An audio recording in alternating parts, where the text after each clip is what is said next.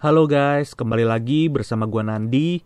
Pada video kali ini gua akan membahas salah satu film horor yang berhasil bikin gua merinding. Tidak lupa, gue selalu mendoakan agar kalian dan keluarga bahagia selalu ya.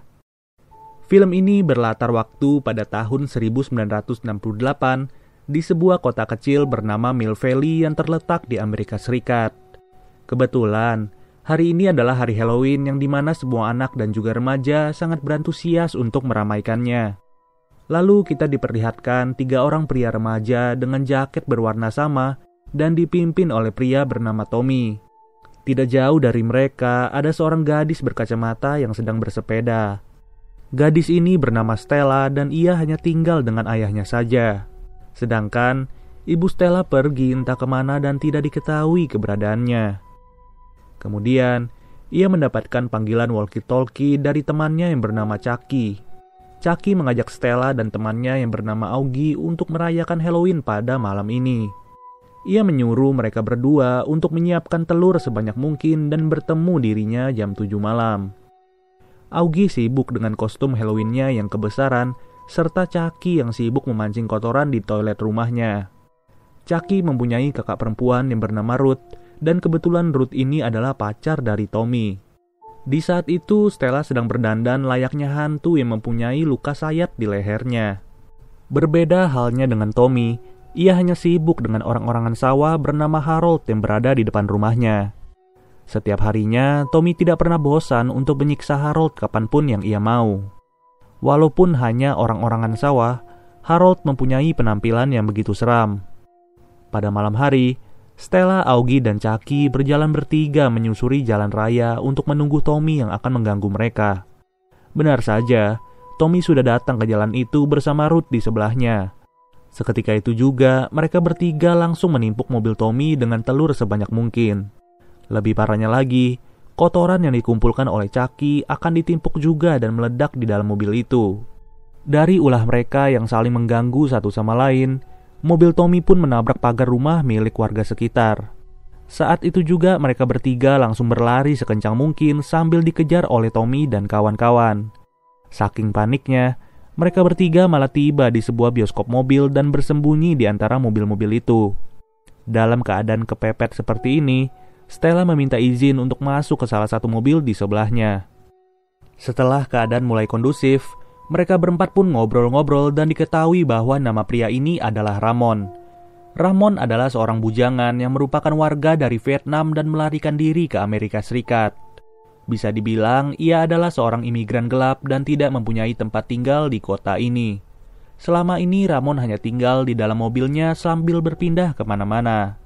Gak lama dari itu, Tommy dan kawan-kawan mengetahui keberadaan mereka bertiga. Namun, Ramon yang berani dan gagah langsung mengusir Tommy untuk menjauh dari mobilnya itu. Ditambah lagi orang-orang yang lagi nonton bioskop udah pada ngamuk karena terhalangi oleh mereka.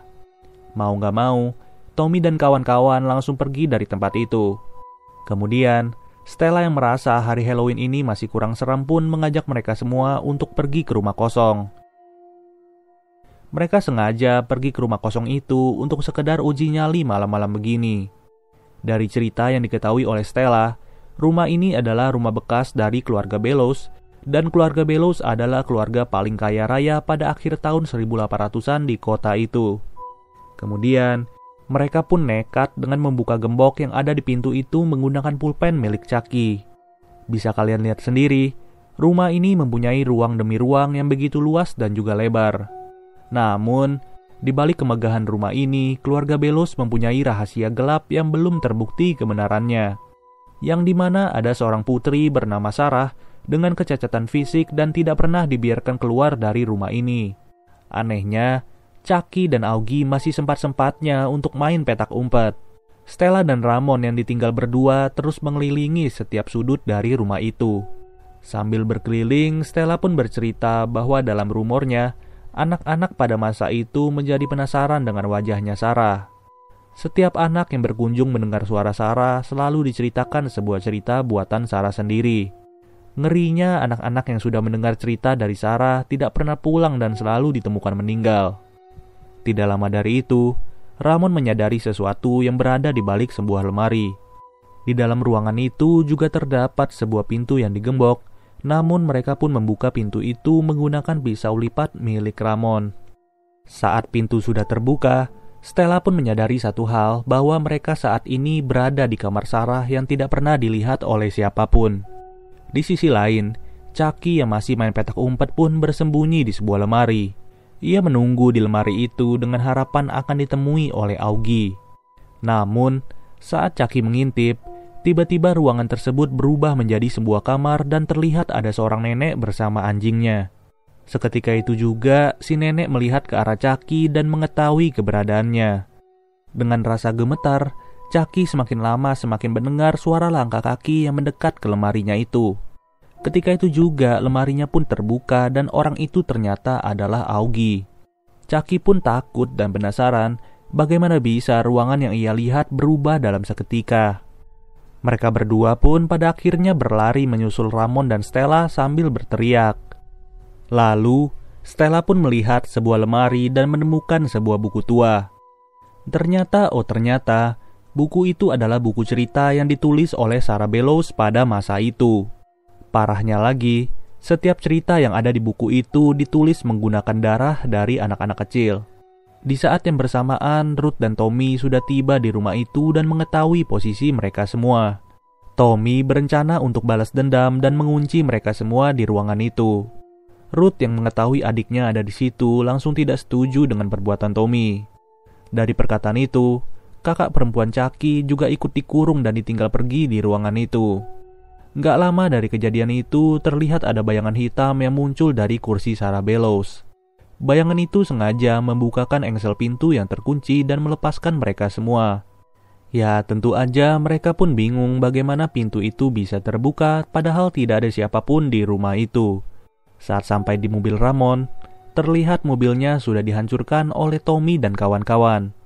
Dengan kondisi mobil yang rusak seperti ini, tidak mungkin Ramon akan menetap di mobil miliknya. Karena merasa kasihan, Stella pun menawarkan Ramon untuk menginap di rumahnya selama beberapa malam. Hal ini dilakukan oleh Stella karena hitung-hitung balas budi dan kebetulan di rumahnya ada ruangan bawah tanah. Pada malam itu, Ramon bersiap untuk beristirahat di ruangan bawah tanah yang cukup nyaman. Sedangkan Stella penasaran dengan buku cerita milik Sarah dan ia pun membuka setiap lembarnya satu persatu. Berbagai cerita dengan judul yang berbeda tertulis di dalam buku itu. Tapi anehnya, halaman berikutnya terlihat kosong dan belum tertulis sama sekali. Saat dibalik lagi oleh Stella, tiba-tiba muncul satu cerita berjudul Harold. Sin pun langsung berpindah ke hamparan sawah yang begitu luas di malam hari. Tommy yang baru selesai mengurung mereka di rumah hantu pun kembali ke rumahnya.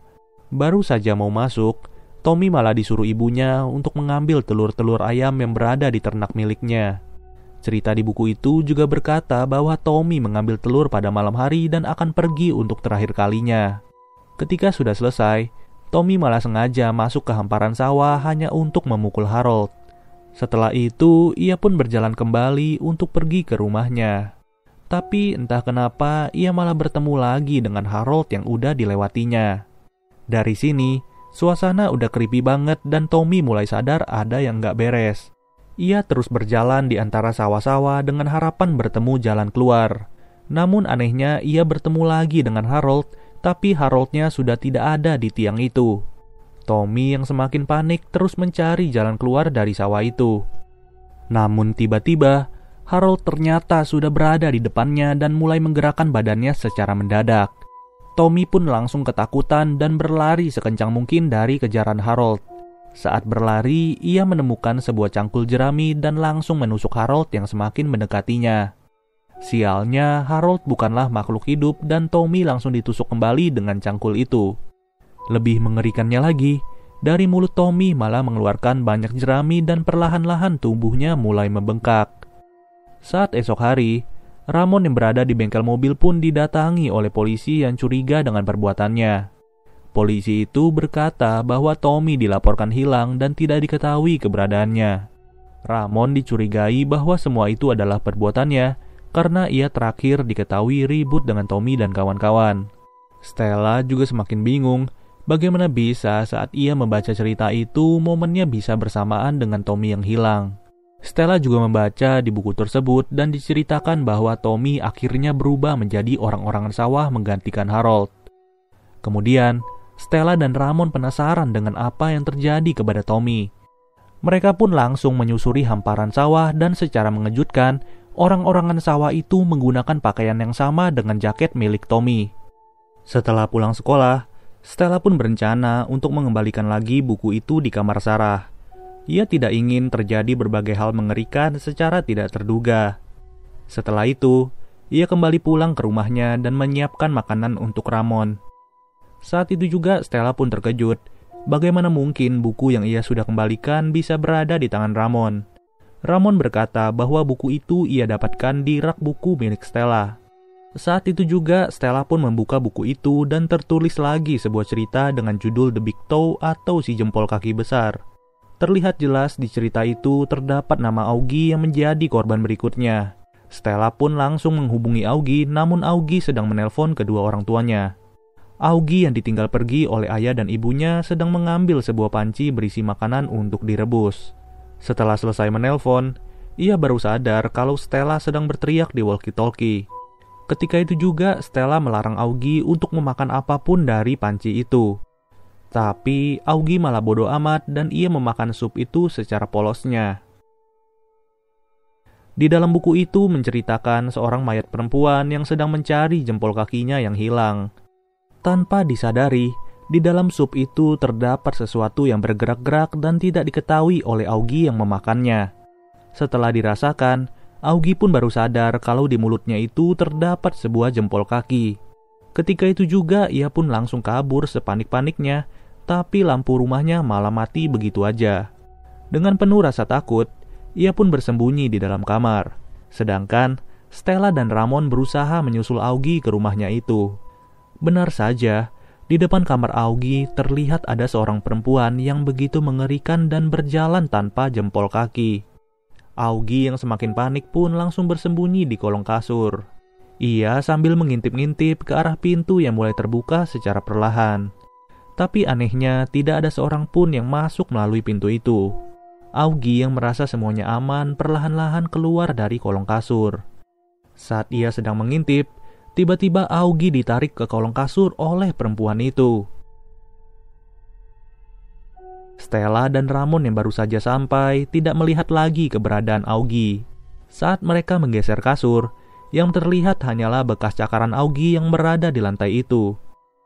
Sampai pada akhirnya, mereka bertiga mencoba untuk membakar buku itu. Namun anehnya buku itu tidaklah hancur menjadi abu dan mereka saat itu juga menjadi kebingungan. Kemudian, mereka bertiga pergi ke sebuah kantor koran untuk mencari tahu fakta mengenai Sarah Bellows. Mereka meminta izin untuk mencari tahu segala informasi yang bisa mereka gunakan. Stella yang makin penasaran menemukan sebuah informasi mengenai seorang anak kecil bernama Lolo. Lolo dan ibunya dituduh mengajari Sarah ilmu hitam pada waktu itu. Kemudian, tiba-tiba buku itu kembali menuliskan sebuah cerita berjudul The Red Spot. Kali ini yang menjadi target adalah Ruth kakak perempuannya Chucky. Ruth yang tidak pede dengan jerawat yang ada di pipinya membuat dirinya stres dan malu untuk ketemu siapa pun. Kalau kalian nggak tahu, the red spot ini artinya titik merah. Ya bisa diibaratkan sama jerawat yang bikin Ruth ini malu. Ia pun pergi ke sebuah toilet di sekolahannya, lalu melihat jerawatnya semakin lama semakin membesar. Stella, Ramon, dan juga Chucky yang sudah tiba di sekolahan berusaha untuk menyelamatkan Ruth. Tiba-tiba, dari jerawat yang ada di pipi Ruth terlihat sesuatu yang bergerak. Ternyata di dalam pipinya terdapat banyak sekali laba-laba dan membuat Ruth menjadi panik. Untung saja, mereka bertiga berhasil datang tepat waktu dan menyelamatkan Ruth yang digigit oleh laba-laba itu. Esok harinya, dari kejadian itu mereka mencoba untuk menghubungi Lolo yang pada waktu itu masih kecil dan tinggal bersama Sarah. Saat tiba di rumah Lolo, Chucky bercerita bahwa ia mengalami mimpi buruk dan berada di ruangan merah bersama wanita yang gendut serta pucat. Tidak lama dari itu, mereka disambut oleh seorang wanita yang merupakan anak dari Lolo.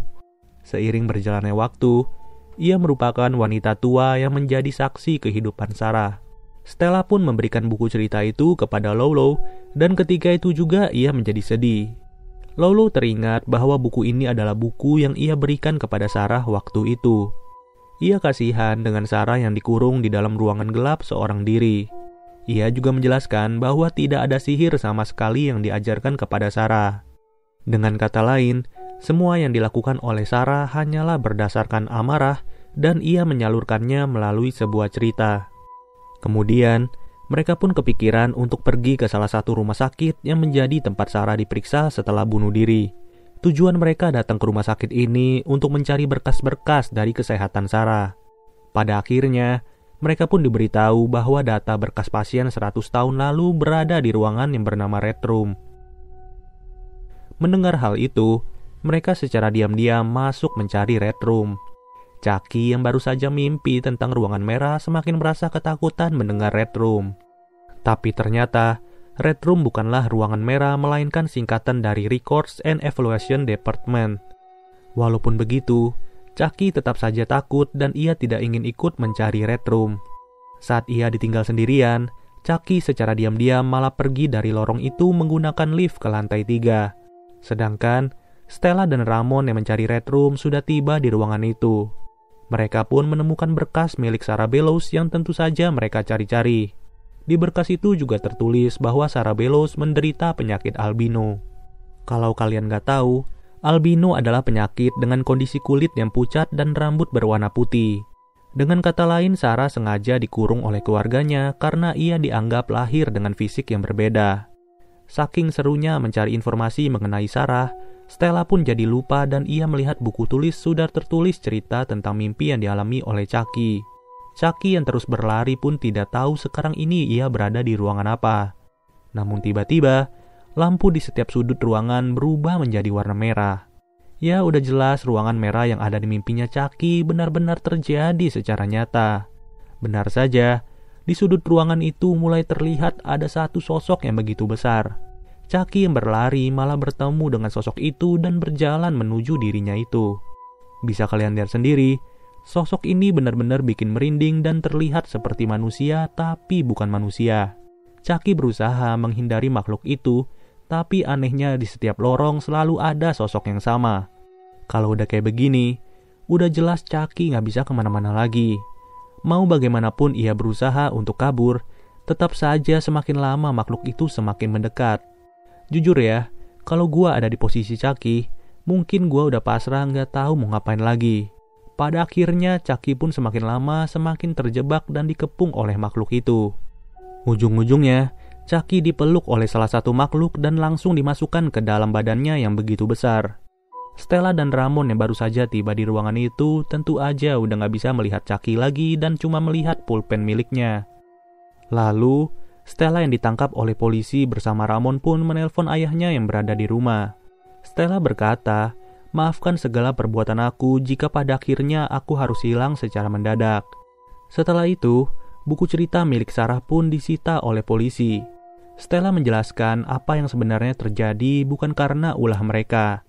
Mereka juga mencoba untuk menyelamatkan Ruth dan terbukti berhasil pada saat itu. Dari perkataan Stella, Polisi itu berkata bahwa sekarang Ruth tidak benar-benar selamat. Ia mengalami gangguan jiwa akibat insiden yang menimpanya kemarin. Stella pun disuruh oleh polisi itu untuk pergi dan meninggalkan Ramon di penjara. Namun Stella tidak mau dan ia memilih untuk menemani Ramon di penjara itu. Singkat cerita, polisi itu penasaran dengan apa yang ada di dalam buku cerita itu. Saat ia baru lihat, ternyata sudah ada sebuah cerita baru yang mulai tertulis. Ketika itu juga lampu di kantor polisi itu menjadi mati tanpa sebab. Polisi itu pun melihat anjing miliknya sedang menatapi sebuah corobong asap secara diam. Stella yang melihat hal itu langsung panik dan bertanya apa sebenarnya yang diceritakan di dalam buku. Tapi, polisi itu malah tidak menjawab dan terus melihat ke arah cerobong asap. Setelah berkali-kali Stella bertanya, polisi itu akhirnya menjawab bahwa nama Ramon lah yang tertulis di cerita paling baru. Ramon pun sadar, satu cerita yang paling ia takuti sejak kecil adalah tentang kehadiran Jen Liman. Tidak lama kemudian, dari cerobong asap itu terlempar satu buah kepala yang masih hidup. Polisi yang merasa dikerjai langsung menembak kepala yang berasal secara misterius. Tapi sialnya, seluruh tembakan tidaklah mempan dan terbuang sia-sia. Saat itu juga seluruh potongan badannya mulai terlempar satu persatu dan bergabung dengan sendirinya. Polisi yang tadinya tidak percaya langsung dimatikan dan dilempar ke dalam ruangan sel. Jeng Limen yang udah tahu keberadaan Ramon mencoba untuk masuk ke dalam sel miliknya. Stella pun ingin membantu Ramon dan mencoba untuk mengambil kunci yang berada di celana polisi itu. Dari sini, gue bisa menjelaskan bahwa Jeng Limen adalah makhluk mengerikan yang begitu lentur dan fleksibel Untung saja, Stella berhasil mendapatkan kunci penjara dan langsung melepaskan dirinya bersama Ramon. Mereka kabur sebisa mungkin selagi Jeng Limen masih terjepit di antara besi-besi. Saat sampai di mobil polisi, Ramon menyuruh Stella untuk pergi ke rumah itu seorang diri, dengan tujuan agar Stella bisa menceritakan apa yang sebenarnya terjadi kepada Sarah. Di saat Ramon mencoba kabur, terlihat Jeng Limen sudah bersiap mengejar dirinya. Ia terus-terusan diganggu oleh makhluk besar itu dan tidak mungkin akan selamat dalam waktu yang lama. Ramon sengaja menabrakkan mobil polisi itu ke mobil truk yang berada di depannya. Dari tabrakan keras yang terjadi, Ramon langsung kabur meninggalkan Jeng Limen yang lagi-lagi terjepit. Di sisi lain, Stella yang sudah sampai di rumah itu pun berteriak memanggil nama Sarah sekencang-kencangnya. Saat ia ingin naik ke tangga, tiba-tiba suasana rumah itu berubah seperti yang dilihat oleh Chucky. Ramon yang sudah sampai di rumah itu pun melihat buku cerita Sarah yang tergeletak di lantai. Ternyata, cerita kali ini berjudul The Haunted House atau Rumah Berhantu. Ramon yang berusaha kabur dari kejaran Jengliman sebisa mungkin bertahan hidup. Sedangkan Stella kali ini sudah berada di dalam cerita yang ditulis oleh Sarah sendiri. Di dalam rumah ini, Stella seolah-olah merupakan cerminan dari Sarah waktu itu. Ia terus dicari oleh setiap anggota keluarganya dan bersembunyi sebisa mungkin. Sampai suatu ketika, Stella masuk ke dalam suatu ruangan yang ternyata terdapat seorang nenek. Setelah itu, Stella langsung kabur dan ia bertemu dengan anak perempuan yang bernama Lolo. Inilah cerminan di saat Lolo masih menjadi anak kecil pada waktu itu. Dengan hati yang baik, Lolo menyuruh Stella untuk sembunyi di kolong meja. Sialnya Stella yang berada di kolong meja sudah diketahui oleh keluarga Belos. Ia pun langsung dibawa dan ditarik secara paksa ke sebuah ruangan yang tersembunyi. Lebih tepatnya, ruangan itu adalah ruangan yang ditemukan oleh Ramon dan Stella di belakang lemari. Stella pun dikurung di ruangan itu seolah-olah ia adalah Sarah. Sesuai perkataan Lolo, Sarah dikurung dalam keadaan gelap sendirian saja dan terbukti pada hari ini. Dalam waktu yang begitu tipis, Stella langsung menceritakan hal sebenarnya kepada Sarah. Ia berkata bahwa rumor yang selama ini beredar di masyarakat sebenarnya sangatlah salah. Kamu terlahir berbeda bukan karena kesalahan kamu, tapi karena kamu unik. Satu-satunya kesalahanmu adalah amarah yang kamu miliki sekarang ini, dan tentunya amarah itu merugikan orang lain. Mendengar hal itu, Sarah langsung menyuruh Stella untuk menulis cerita sebenarnya menggunakan darah Stella.